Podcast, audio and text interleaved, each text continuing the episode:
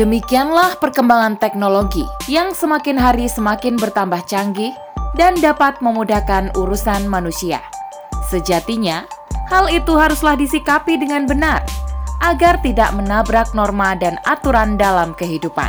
Sehingga kemajuan teknologi tersebut betul-betul akan mampu memberikan kebermanfaatan yang baik dan benar bagi manusia dalam kehidupannya. Selengkapnya, tetap di podcast Narasi Pos Media. Narasi Pos, cerdas dalam literasi media, bijak menangkap peristiwa kunci.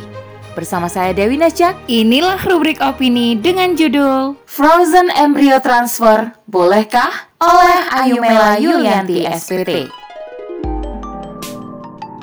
Frozen embryo transfer adalah tindakan penanaman embrio yang telah dibekukan sebelumnya ke dalam rahim induk setelah rahim induk disiapkan untuk menerima embrio yang berasal dari luar tubuhnya. Teknologi ini merupakan bagian dari hasil proses pembentukan bayi tabung.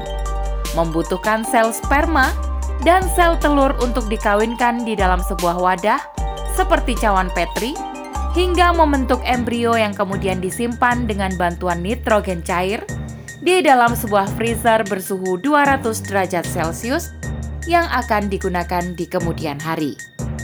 Frozen embryo transfer ini sebagai salah satu cara atau metode untuk memiliki anak. Digunakan oleh pasangan yang kesulitan untuk memiliki anak dengan jalan alami.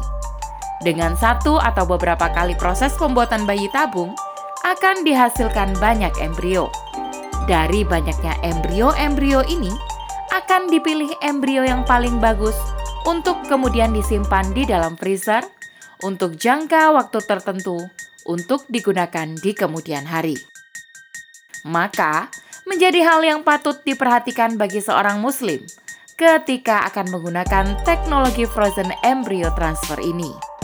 Dalam rangka memperoleh anak atau keturunan, yaitu pertama, harus diperhatikan bahwa sel telur dan sel sperma adalah milik pasangan suami istri yang sah.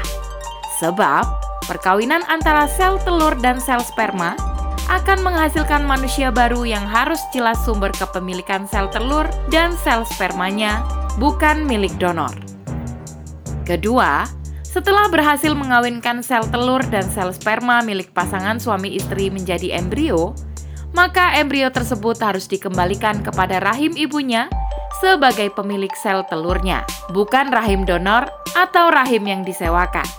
Ketiga, jika ibu belum siap untuk hamil, maka embrio miliknya bersama suaminya boleh dimasukkan ke dalam freezer untuk diawetkan agar tidak mengalami kerusakan. Untuk kemudian digunakan saat ibu telah siap untuk hamil. Keempat, tetap harus diperhatikan jangka waktu aman penyimpanan embrio beku di dalam freezer. Sebab dikhawatirkan terjadi kerusakan kromosom di dalam embrio beku. Namun, hasil riset menunjukkan bahwa embrio beku berumur 24 tahun mampu bertahan dengan baik dan bisa lahir sebagai bayi yang sehat seperti yang dilansir di laman hellosehat.com.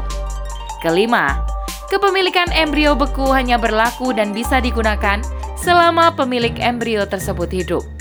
Jika pemilik embrio tersebut meninggal dunia, maka embrio tidak boleh diwariskan atau dihibahkan kepada yang lain. Kelima hal di atas benar-benar harus diperhatikan oleh pasangan suami istri. Sebab embrio adalah cikal bakal dihasilkannya manusia baru yang harus memiliki nasab atau harus dinasabkan kepada kedua orang tuanya. Sebab Islam sangat memperhatikan kemurnian nasab. Karena dari nasab inilah lahir beragam hak dan kewajiban.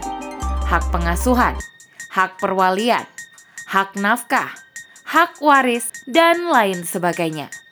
Terlepas dari penggunaan teknologi pembuatan anak yang digunakan oleh beragam pihak yang berkepentingan, sehingga ada pemanfaatan berupa kapitalisasi di bidang ini yang masif terjadi di sistem sekuler kapitalisme seperti saat ini, terutama di Barat.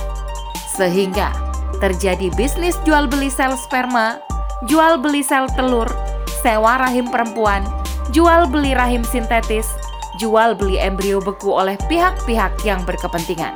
Sehingga berdiri bank sperma, bank sel telur beku, bank rahim sintetis, dan bank embrio beku. Hal tersebut merupakan sarana yang digunakan manusia akhir zaman untuk memenuhi kebutuhannya memiliki anak. Namun, tetaplah bagi seorang pasangan suami istri terutama seorang muslim yang ingin memiliki anak keturunan harus ditempuh dengan jalan yang telah ditetapkan oleh Allah Subhanahu wa taala. Jalan yang sesuai syariat yaitu melalui jalan pernikahan antara laki-laki dan perempuan. Sehingga sel telur dan sel spermanya halal untuk dikawinkan melalui proses bayi tabung jika sulit dengan jalan normal. Setelah itu, menggunakan rahim istrinya untuk ditanami embrio yang dihasilkan melalui proses bayi tabung tersebut.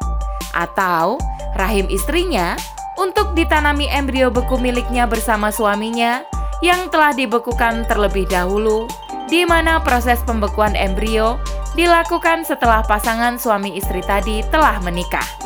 Sehingga hal ini akan menjamin pada kesucian dan kemurnian nasab manusia. Karena itu, frozen embryo transfer boleh dilakukan oleh sepasang suami istri, terutama seorang muslim, yaitu dengan memperhatikan kelima hal di atas agar tidak terjadi kekacauan nasab. Demikianlah perkembangan teknologi yang semakin hari semakin bertambah canggih dan dapat memudahkan urusan manusia. Sejatinya, hal itu haruslah disikapi dengan benar agar tidak menabrak norma dan aturan dalam kehidupan. Sehingga kemajuan teknologi tersebut betul-betul akan mampu memberikan kebermanfaatan yang baik dan benar bagi manusia dalam kehidupannya. Wallahu a'lam bishawab. Demikian rubrik opini kali ini. Sampai bertemu di rubrik opini selanjutnya. Saya Dewi Nasyak undur diri. Assalamualaikum warahmatullahi wabarakatuh.